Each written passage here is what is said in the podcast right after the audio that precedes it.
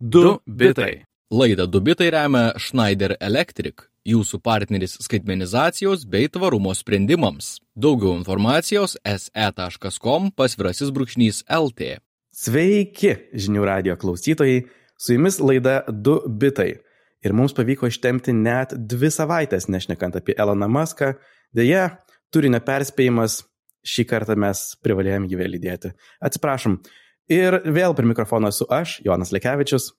Ir aš, Lukas Keraitis. Ir jūsų mėgstamiausia kas savaitinė laida apie technologijas sugrįžta į eterį. Šiandien su Jonu kalbamės nuotoliniu būdu. Abu šiek tiek pašnirkščiojam nosimi ir kitos skirtingose Lietuvos galose, bet naujienams tai nepatrukdys. Turime visai nemažai. Pirmoji naujiena, apie ką šiandien norim pakalbėti, kaip ir žadėjome praėjusią savaitę, taip ir pažadu savo tęsėme, norime pakalbėti apie Google I.O. konferenciją, tradicinę Google konferenciją, jie daro ją kartą metuose ir pristato visokias savo naujienas. Tai išskirim tas naujienas į dviejas sekcijas. Tai yra programinė įranga, kas programinėme lygmenyje yra pristatyta naujo ir paskui papasakosim be abejo apie vadinamąjį hardware, tai yra apie visus įtaisus ir prietaisėlius, ką jie pristatė. Kas pirmiausia, Google Lens yra tokia nauja funkcija naudojantiems Android telefonus ir be abejo Google telefonus, kuriamus man jinai visai, visai patiko. Jinai kaip ir nėra nauja, ar ne, Jonai? Ji visiškai nenauja. Jai yra gal kokie penki, septyni metai, aš net nedrįčiau taip tiksliai spėti, bet ji palengva vis tobulėjo, išmoko vis geriau identifikuoti objektus. Ja beje galima naudotis visose telefonuose, ne tik Android telefonuose, įsijungia Google Appsą, yra tokia spalvota kamerytė ir jos idėja yra Google tikrame pasaulyje. Gali nukreipti visokį daiktą ir e, tau Google pasako, ką jis mato, kai kuriais atvejais gali pasakyti, ar tai kokybiškas daiktas ar ne, pavyzdžiui, jeigu tu renkiesi kažkokią prekę. Ir jie vis palengva tobulino ir šiemet pristatė visai įdomių naujų idėjų. Mhm. Jinai veiks e, panoramos principu, kaip e, fotografuojate panoramą su telefonu. Pavyzdžiui, kai ką Google davė per pavyzdį, esate parduotuvėje, parduotuvėje ir norite surasti šokoladą, kuris būtų be riešutų. Tad tiesiog su telefonu jį pakeliate, praskenuojate visą, visą lentyną prekių, šokoladų ir Google iš karto automatiškai jums pažymė, kad tas ir tas šokoladas yra be riešutų. Arba dar jeigu pažymėjai, galbūt jis juodasis, galbūt jis yra juodasis 87 procentų ir, žodžiu, iš esmės tai leidžia googlinti pasaulyje, kas įdomu, ta funkcija žinau, kad yra telefone, nekart nenaudojau, bet kadangi ją atnaujino, patobulino, gal reikės ir pamėginti pažiūrėti, kaip jinai veikia. Kita kategorija, kurioje yra visai nemažai pakeitimų, tai mano jau visai pamėgtas Google Assistant. Tai yra jų balso asistentas, su kuriuo galima šnekėtis, klausti visokiausių dalykų. Ir naujos dalykai asistentė yra pirma, kai kurioms užklausoms, tokiam pačiom dažniausiam, kur pavyzdžiui paklausti, koks oras, what's the weather, nebebus būtina sakyti to karštažodžio, hey, g, Google. Um, jis tiesiog pats supras, jog tai yra jam standartinė užduodama užklausa ir atsakys pats. Kita nauja funkcija yra Look and Talk, yra kai kurie Google asistento prietaisai, kurie turi kamerą ir šiuo atveju galės stebėti tave ir jeigu pamato, jog tu kažko klausi atsisukęs į Google asistento prietaisą, tai supras, jog čia jo klausi ir vėlgi atsakys e, tiesiogiai, nereikia sakyti, hei Google. Um, Na ir visai logiška pasaulyje, naujoji... kuriame, kas, kas visai logiška pasaulyje, pasaulyje, kuriame vis daugiau tų išmanių įtaisų, kad anksčiau ir vėliau tiesiog reikės atsisukti ir kalbėti. Mm, ateitis mhm. jau, jau dabar. Ir paskutinis pakeitimas, kuris irgi, manau, labai bus naudingas realybėje, Google asistentas bus kantresnis. Nes kartais pradedi kažką jam sakyti ir tada supranti, jog, o, oh, um, ne, aš visgi norėjau visgo kito dalyko paklausti, persigalvoju sakinio viduje, kartais užstringi gerom penkiom sekundėm, bandydamas tiksliau sugalvoti, ko tu nori paklausti, tad Google bus toks kantresnis, išlauks tavo ilgas pauzes, tavo judėjimus ir pokyčius viduryje sakinio ir net tokias labiau apytikslės užklausas turėtų suprasti. Mhm. Kita įdomi funkcija vadinasi Search ir Ads funkcija, tai yra, kad atsiras My Ads centras ir naudojantis Google bus galima pasirinkti, kokias reklamas nori matyti dažniau arba kurias nori matyti rečiau. Tai kaip ir elementarus dalykas, kurio visai, visai laukiu, kad tai būtų galima padaryti paprastai, nes kartais būna ne, ne tiek noriu išjungti tas reklamas, kurios man neįdomios, kiek atrodo visai aktualu, na, jeigu šiuo metu atlieki remontus namuose ir nori, kad tau reklamuotų, pavyzdžiui, remonto medžiagas, tai tegul tai daro. Geriau matysi tai, negu reklamas, kurios tau yra visai nesusijusios. Tad uh, My Ads centras leis pasirinkti, kokias reklamas nori matyti mažiau, Ir taip pat Google pasakė, kad bus nuo šiol paprasčiau e, išimti savo asmeninius duomenis iš Google paieškos, tad jeigu atrasite ten savo telefono numerį, namų adresą, e-mailą ar kažką kito, ko ten neturėtų būti, Google žada, kad nuo šiol bus daug paprastesnis procesas, kaip visą tai uh, išimti. Ateitie turėtų atsirasti tokie trys taškiukai šalia paieškos rezultato, paspausi, pasirinksi, kad ten mano, mano yra telefono numeris ir, ir bus galima užginčyti ir išimti šitą dalyką iš Google paieškos. Fainas atnaujinimas. Viena tokių didžiausių naujų sekcijų buvo Android 13 pristatymas. Kiekvienais metais jie pristato naują operacinę sistemą Android. Ir šiemet, mano nuomonė, gal gana kuklus kiekis atnaujinimų. Jie tokie gana nelabai didelio dydžio. Pirmiausia, jie pristatė daug naujų tokių smulkių funkcijų susijusių su saugumu ir privatumu. Tai gebėjimas stebėti, kokius duomenis renka programėlės, juos galbūt kiek granulariau arba smulkiau įjungti arba išjungti. Jie labai mėgsta kalbėti apie savo naują SMS standartą, kurį turėtų priimti ir pritaikyti labai daug operatorių, standartas vadinasi RCS. E, kontroversiška tema, galbūt ką nors daugiau pašnekėsime, nes šiaip tai labai geras standartas, tikrai patobulina visą SMS e, tinklo struktūrą, tačiau Apple kažkodėl jo vengia. Ir Google iniciatyvos neužtenka tame pakeisti SMS. Tad, bet jie stumia toliau ir Android 13 palaikys šitą naują standartą. Tokia turbūt didžiausia matoma nauja didelė funkcija yra Google Wallet. Bendrai šitą frazę turi tokią ilgą ir vingiuotą istoriją. Google Wallet pavadinimas yra jau labai senas, bet po to Google pakeitė į Google Pay, po to į Android Pay, po to atsirado ir mhm. Samsung Pay. Žiūrėjau, taip vinguriavo, negalėjo nuspręsti, ką jie nori daryti, bet atrodo dabar tiesiog pasižiūrėjo, jog, na, gal ir gerai, ką Apple daro. Tiesiog vienoje programėlėje turėti ir mokėjimo korteles, ir renginių bilietus tuo pačiu formatu, kai kurį palaiko Apple net kai kuriuose valstijose palaikys vairavimo teisės arba ID dokumentus. Tad panašu, jog atsiranda konkretesnis identitetas Google Wallet ir bus galima visai smagiai išnaudoti. Na, o paskutinė tokia sekcija buvo apie planšetės. Kol kas Android planšečių istorija nėra labai graži, labai ne, ma, nedaug programėlių iš tiesų veikia puikiai ant planšečių ir Google nori tą keisti. Jie sako, jog jie atnaujins savo pačių 20 programėlių, ir bandys įtikinti visus kitus, jog jie irgi atnaujintų programėlės, nes panašu, jog, na, jie nenori, jog vien tik iPadai dominuotų planšečių rinkoje ir jog tai būtų tikrai konkurencingas, geras produktas ne tik telefonams. Sėkmės. Mhm. Ir paskutinis dalykas programinės įrangos temoje, tai na, dar kartelį Google priminė apie savo Matter išmanių namų a, a, daiktų standartą, apie kurį kalbėjome prieš keletą, prieš keletą laidų, kam įdomu galite pasiskaityti. Na, bet kaip ir jie pademonstravo, bus iš esmės ateityje paprasčiau, pavyzdžiui, nusipirkus išmanųjį, išmanę rozetę ar dar ką nors, tiesiog ją prijungti labai paprastai prie telefono. A, atsukti kamerą, nuskunuoti QR kodą ir viena ar kita programėlė tau prijungs ją prie tavo bendros namų išmanių daiktų sistemos, kas atrodo visai, visai patogu. Ir tikriausiai tiek iš programinės įrangos temos Google I.O. konferencijoje. Dabar pakalbėkime dar apie tai, ką pristatė per apčiopiamus daiktus. Tai yra telefonus ir kitokius dalykus. Pirmiausia, aišku, tokia garsiausia galbūt naujiena tai buvo pristatytas Pixel 6a telefonas. Iš esmės, pigesnė Pixel 6 modelis pigesnis e, ir funkcijų nelabai daug naujų. E, ta kaina tikrai, tikrai pakankamai maža - 449 doleriai. Naujo telefono tai e, gana konkurencinga kaina, bet iš esmės kažko ypatingai daug apie Pixel 6a pasakyti negalim. Ne? Na, Magic Eraser funkcija man patiko, apie kurią priminė, jinai nenauja. Pavyzdžiui, padarote nuotrauką, pažymite objektą, kurio nenorite, kad ten būtų toje nuotraukoje ir jie automatiškai ištrina. Arba pažymite objektą ir galite pakeisti jo spalvą. Realybėje dar nebandžiau, bet vėlgi, kai primena apie tokias funkcijas, tai norisi pamėginti. Jie kiekvienais metais seka savo šitų receptų, kur rudenį iš, uh, išleidžia naujus Pixel brangesnius telefonus ir vėliau vasarą išleidžia tokį pigesnį to interpretaciją, kur dažniausiai pataupo ant kameros, pataupo ant tokių um, išmanesnių funkcijų, kaip pavyzdžiui, belaidis krovimas, bet perkelia visas geriausias technologijas, pavyzdžiui, saugumo mikroschemą ar, ar panašius dalykus, kurias išinovavo savo Pixel pagrindinėje linijoje. Taip pat jie pristatė Pixel Buds Pro, kuriuos galima pavadinti kaip Google AirPods Pro analogas. Tai yra labai panašu į jų prieš tai buvusius Pixel Buds, tik tai šį kartą jau palaiko aktyvų triukšmo kancelinimą, atšaukimą. Tai yra, gali panaikinti aplinkos triukšmą ir jo galima negirdėti. Plus palaiko Bluetooth multipoint, kuris leidžia prisijungti prie keleto prietaisų.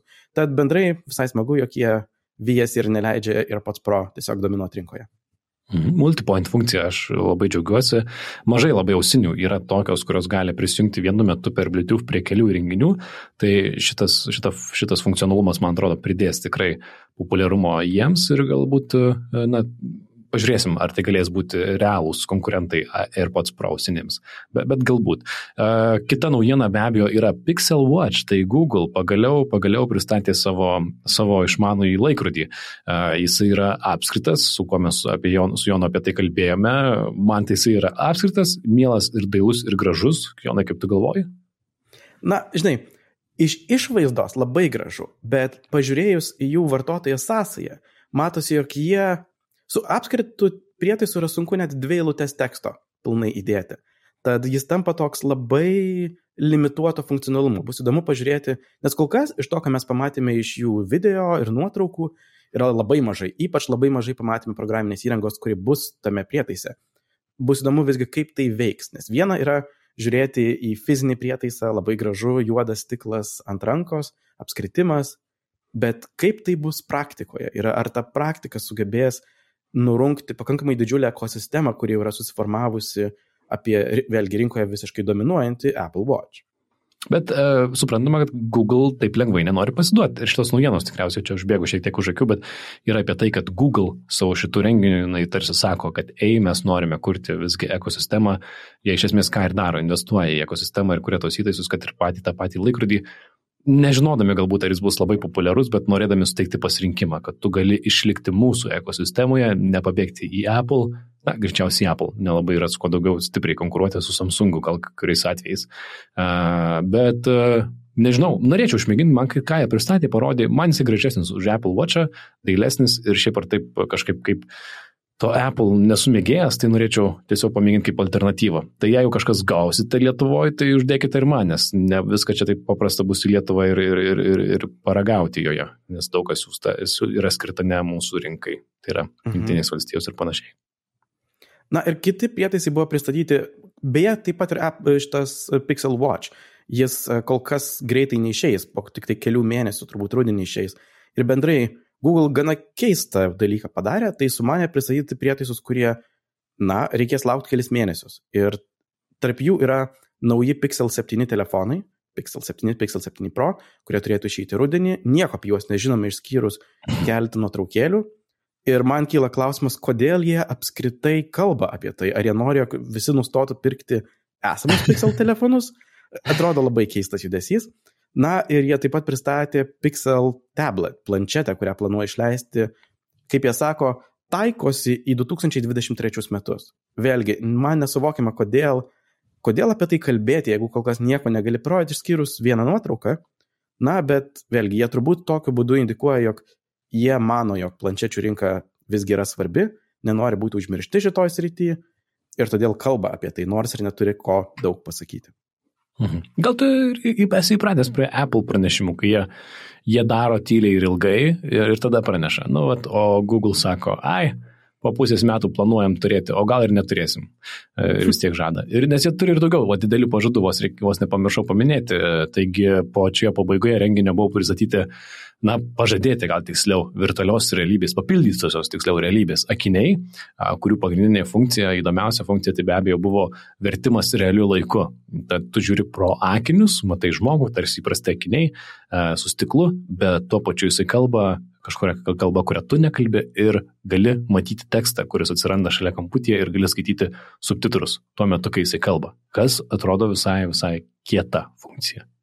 Nebūtų Google I.O., jeigu nebūtų kažkokių beprotiškų pažadų maždaug e, dešimt metų į priekį, kalbant apie tai, kas bus. Tai jie šiemet dar kartą paminėjo, jog jie dirba prie tokio Project Starline, kuris kūrė kaip realaus dydžio hologramas, um, kalbėtis su žmonėm nuotoliniu būdu.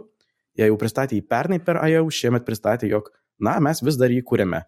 Ir net nežinome, kada bus, kaip bus, kodėl bus, bet mes jį kūrėme.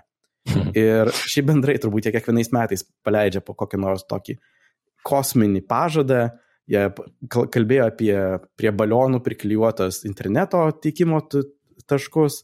Na ir turbūt gal plačiausiai nuskambėjęs tai toksai balso asistentas, kuris už tave paskambintų kirpėjoms ir užsakytų salonui vietą. Na, iš to nieko galiausiai praktiškai neišėjo. Prašau, bet... mes vis dar lauk, aš vis dar laukiu šito asistento. Atsimenu prieš keturis metus, kai parodė šitą funkciją, kad tau telefonas ima ir paskambina už tave ir sutarė už tave susitikimą ir panašiai visi buvo, wow, ateitis jau čia.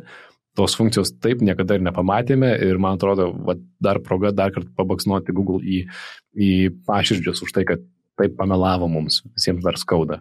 Piktas esu, pykstu ant Google. E, bet tikriausiai tiek naujienų apie Google I.O. konferenciją, čia visai nemažai išsiplėtėm, visko, kas buvo pristatyta. E, žinių radio klausytėm priminsiu, kad laidoje gird, laidą girdite pavadinimu 2 bitai, aptarėme svarbiausias technologijų naujienas. Kita didelė tema, kurią šiandien norime pakalbėti ir jeigu sekate kriptovaliutų rinkas, jeigu šiaip sekate finansinės rinkas, tikriausiai suprasti, apie ką mes, nes praėjusią savaitę įvyko didelis, dideli pokyčiai ne tik kriptovaliutų rinkoje, bet ir, bet ir vadinamaisiais stablecoinais. Tai kuriems mes nesugalvojame e, vertimo gero. Pastoviosioms kriptovaliutoms, pastovaliutoms, kaip dar galima pasakyti. Man patinka pastovaliutas, bet aš turbūt jas vadinsiu stabiliom kriptovaliutom. Gerai. Tai papasakok, Jonai, kas vyko čia nuo pat pradžių, kaip tą istoriją susigaudyti.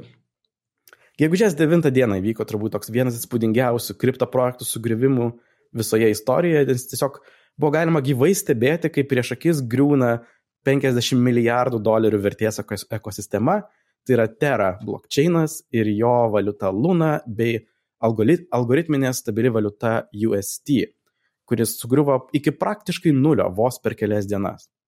Bet uh, turbūt verta šiaip suprasti, kas buvo ta Terra, Luna, UST, kas yra stabilios kriptovaliutos. Tai stabilios kriptovaliutos skiriasi nuo šiaip kitų kriptovaliutų tuo, jog jos yra prisegamos prie kitos tikros valiutos vertės standartiškai JAV dolerio. Ir tikslas yra visą laiką būti lygus vienam JAV doleriui. Kodėl to reikia? Nes tas leidžia daryti keitimus tiesiai blokčiainę. Labai greitai nereikia eiti per kažkokias keityklas ar bankus, tiesiai iškeiti į kažką, kas yra vertas vienam doleriui ir staupai laiko ir pinigų. Ir dauguma kriptovaliutų, kurios yra stabilios, jos veikia labai paprastų principų, yra kažkokia patikima vieta, kuri neretai turi auditus ir tu įneši šimtą tikrų dolerių ir jie tau išleidžia šimtą kripto dolerių ir saugo juos bankuose. Labai paprasta ir patikima. Bet aišku, žmonės kriptovaliutų pasaulyje nori nepasitikėti, nori žinoti, jog viską apsaugo algoritmai ir matematika. Ir todėl atsirado toks mistinis gyvūnas algoritminės e, stabilios kriptovaliutos. Ir Luna ir UST šitoje Terra ekosistemoje buvo būtent tai. Idėja yra, jog tai yra dvi kriptovaliutos, kurios vienos vertė kinta, kita yra stabili. Kol dar Jonai neįsivažiavai pasakot, kas yra algoritminės stabilios kriptovaliutos, kas gali būti gana sudėtinga kai kuriems, tai tarp tarpu ir man, aš tiesiog apibendrinsiu, kad tos uh, stable kriptovaliutos, stabilios kriptovaliutos, labai paprastai jos buvo naudotos tam, kad jeigu tu perki ir parduodi kriptovaliutą, uh, ir e, pirkai už eurus, tada nusipirkai kriptovaliutą, tada pirksi kitą kriptovaliutą, bet nori trumpam išsikeisti į dolerius, bet nenori jų užsimti, nes tada turėsi mokėti mokesčius, tada turėsi mokėti kažkokius e, tarpin, tarpininkavimo mokesčius, tu tiesiog trumpai pasidedi į tą dolerio e, atitikmenį kriptovaliutoje. Man atrodo, kad tai galbūt šiek tiek padės suprasti apie ką. Viskas, ne? Būtent. Ir vėlgi, ir Kadangi kai kurios iš jų reikalauja pasitikėjimo, o alternatyva yra turėti galbūt kažkokį magišką algoritmą, todėl ir gimė Luna ir UST arba Terra ekosistema. Ir idėja buvo, jog tu Luna gali bet kada išsikeisti į UST, kuri yra priklijuota prie dolerio, ir todėl Lunos vertė keičiasi, bet kartu ir stabilizuoja tą dolerio kriptovaliutą. Pavyzdžiui, jeigu dolerio kriptovaliuta išauga virš vieno dolerio, tau apsimoka parduoti, taip sumažinant kainą. Jeigu vertė nukrenta žemiau dolerio, tau apsimoka pirkti, tai padidinant kainą ir vėl atstatant balansą. Ir balansuojant tarp šitų dviejų kriptovaliutų kainų, magija, tu staiga sukūrėjai stabilę kriptovaliutą be jokio banko ir auditų ir panašių dalykų. Ir Luna tikrai buvo sėkmingiausias to pavyzdys. To sėkmė buvo tokia didelė, jog per paskutinius metus Lunos kaina išaugo net nuo 4 dolerių iki 100. Ir labai daug žmonių buvo labai laimingi savo pasirinkimu ir investicija. Aišku, mes nešnekėtume apie tai, jeigu tai nebūtų visiškai hmm. sugriuvę.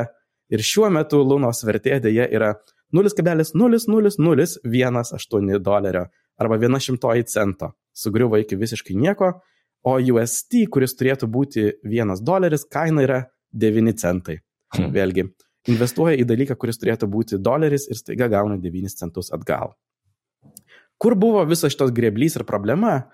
Tai jog magiškas algoritmas veikia tik tuo met, jeigu žmonės pasitikė, jog viskas veikia puikiai ir tas pasitikėjimas sugriuvo gegužės 9. Ta diena visos rinkos, ypač kriptovaliutos, krito itin smarkiai ir žmonės pardavinėjo viską iš eilės, keisdami į kažkokią stabilę vertę turinčius dalykus, pavyzdžiui, dolerius arba stabilės kriptovaliutas. Bet kadangi vienas iš pardavinėjimų dalykų buvo pati Luna, Lunos kapitalizacija nukrito žemiau visų UST dolerių kapitalizacijos ir nebeveikia kaip toks garantas, jog tu bet kada gali iškeisti savo dolerį į kažką kito. Ir visi turintys UST staiga suprato, jog, na, visiems nebepavyks to parduoti, visi pradėjo žiūrėti į duris, taip sakant, ir galvoti, kaip greit pasitraukti, ir tas išsuko tokią spiralę žemyn, kur visi bandė vis parduoti, ir tas tik tai dar labiau stumė kainą žemyn, ir vėl norėjo tik tai dar labiau parduoti, ir buvo galima gyvai stebėti, kaip UST vertė krenta nuo 90 centų iki 80, iki 50, o Luna krito iš viso ekstremaliai. Per dvi dienas kaina nukrito nuo 60 dolerių iki 80 centų.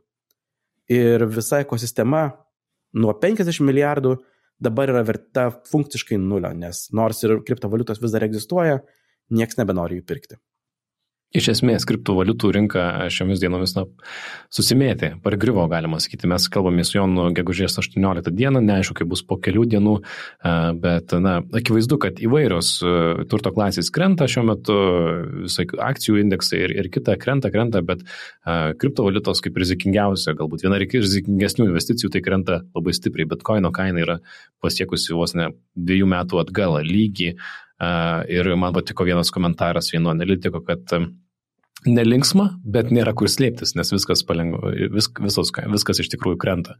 Bet aišku, kas įvyko su stablecoinais vadinamaisiais, tai yra, na, daugam tikrai netikėta. Niekas nesitikėjo, kad jie pirmiausia taip suklups, o ir kad tai vyks taip, taip greitai. Tad nebereikalo dabar galima skaityti nemažai pasisakymų ir iš jungtinių valstijų, teisėkūros kuriejų ir tiek ir ES lygių politik, politiniai vadovai sako, kad na, norisi daugiau reguliuoti ne tik kriptovaliutų rinką, bet ypatingai iš tų vadinamų stablecoins valiutų rinką. Ir visi tikisi, kad per artimiausius, artimiausius 6 ar 12 mėnesių to reguliavimo bus šiek tiek, šiek tiek daugiau. Hmm. Mhm. Na ką, ir pabaigai turbūt pabandykime sugrįžti prie Masko ir Twitterio istorijos. A, teisingai, dar šitą turim. O, tai labai greitai, e, kas žinojote, kas nežinojote, tai jeigu mus klausėte, tikrai žinojote, kad Twitteris už 44 milijardus turėjo atitekti Elonui Muskui, e, bet šis toliau nepasiduoda ir visus laiko uh, už, už pirštų ir sako, kad šią akimirką sustarimas negali dėti į priekį, kol nebus išsiaiškinta, uh, kaip yra su socialinio tinklo naudotojais, kiek jų sudaro botus, kadangi prieš perkant Elonui Muskui buvo pažadėta, kad mažiau nei 5 procentai Twitterio naudotojų iš esmės yra botai arba spamo botai, bet dabar jis įtarė, kad galbūt yra 20 procentų ir jis nori kažkokio patikrinimo ar ne patvirtinimo, kad yra ne taip, kaip, kaip, kaip jisai sako, bet tiesą pasakius, to patvirtinimo jis nesulaukia.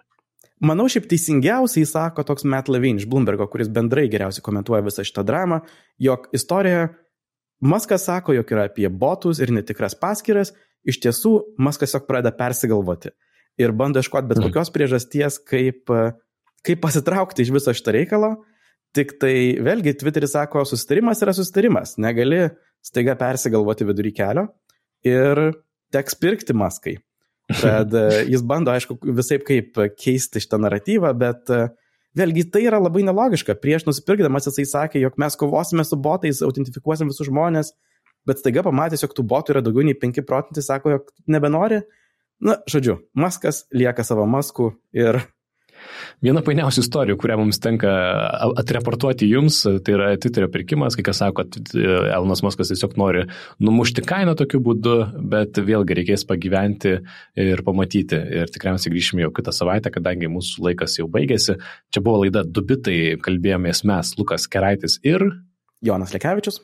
Kaip visuomet, šios ir kitų laidų įrašus rasite žinių radijo interneto svetainėje žiniųradijas.lt, o mes atsisveikinam ir sakom, iki kitos savaitės sugrįžkime ir atsinaujinkime žinias. Iki. Iki. Du bitai. Laidą Du bitai remia Schneider Electric, jūsų partneris skaitmenizacijos bei tvarumo sprendimams. Daugiau informacijos se.com pasvirasis brūkšnys LT.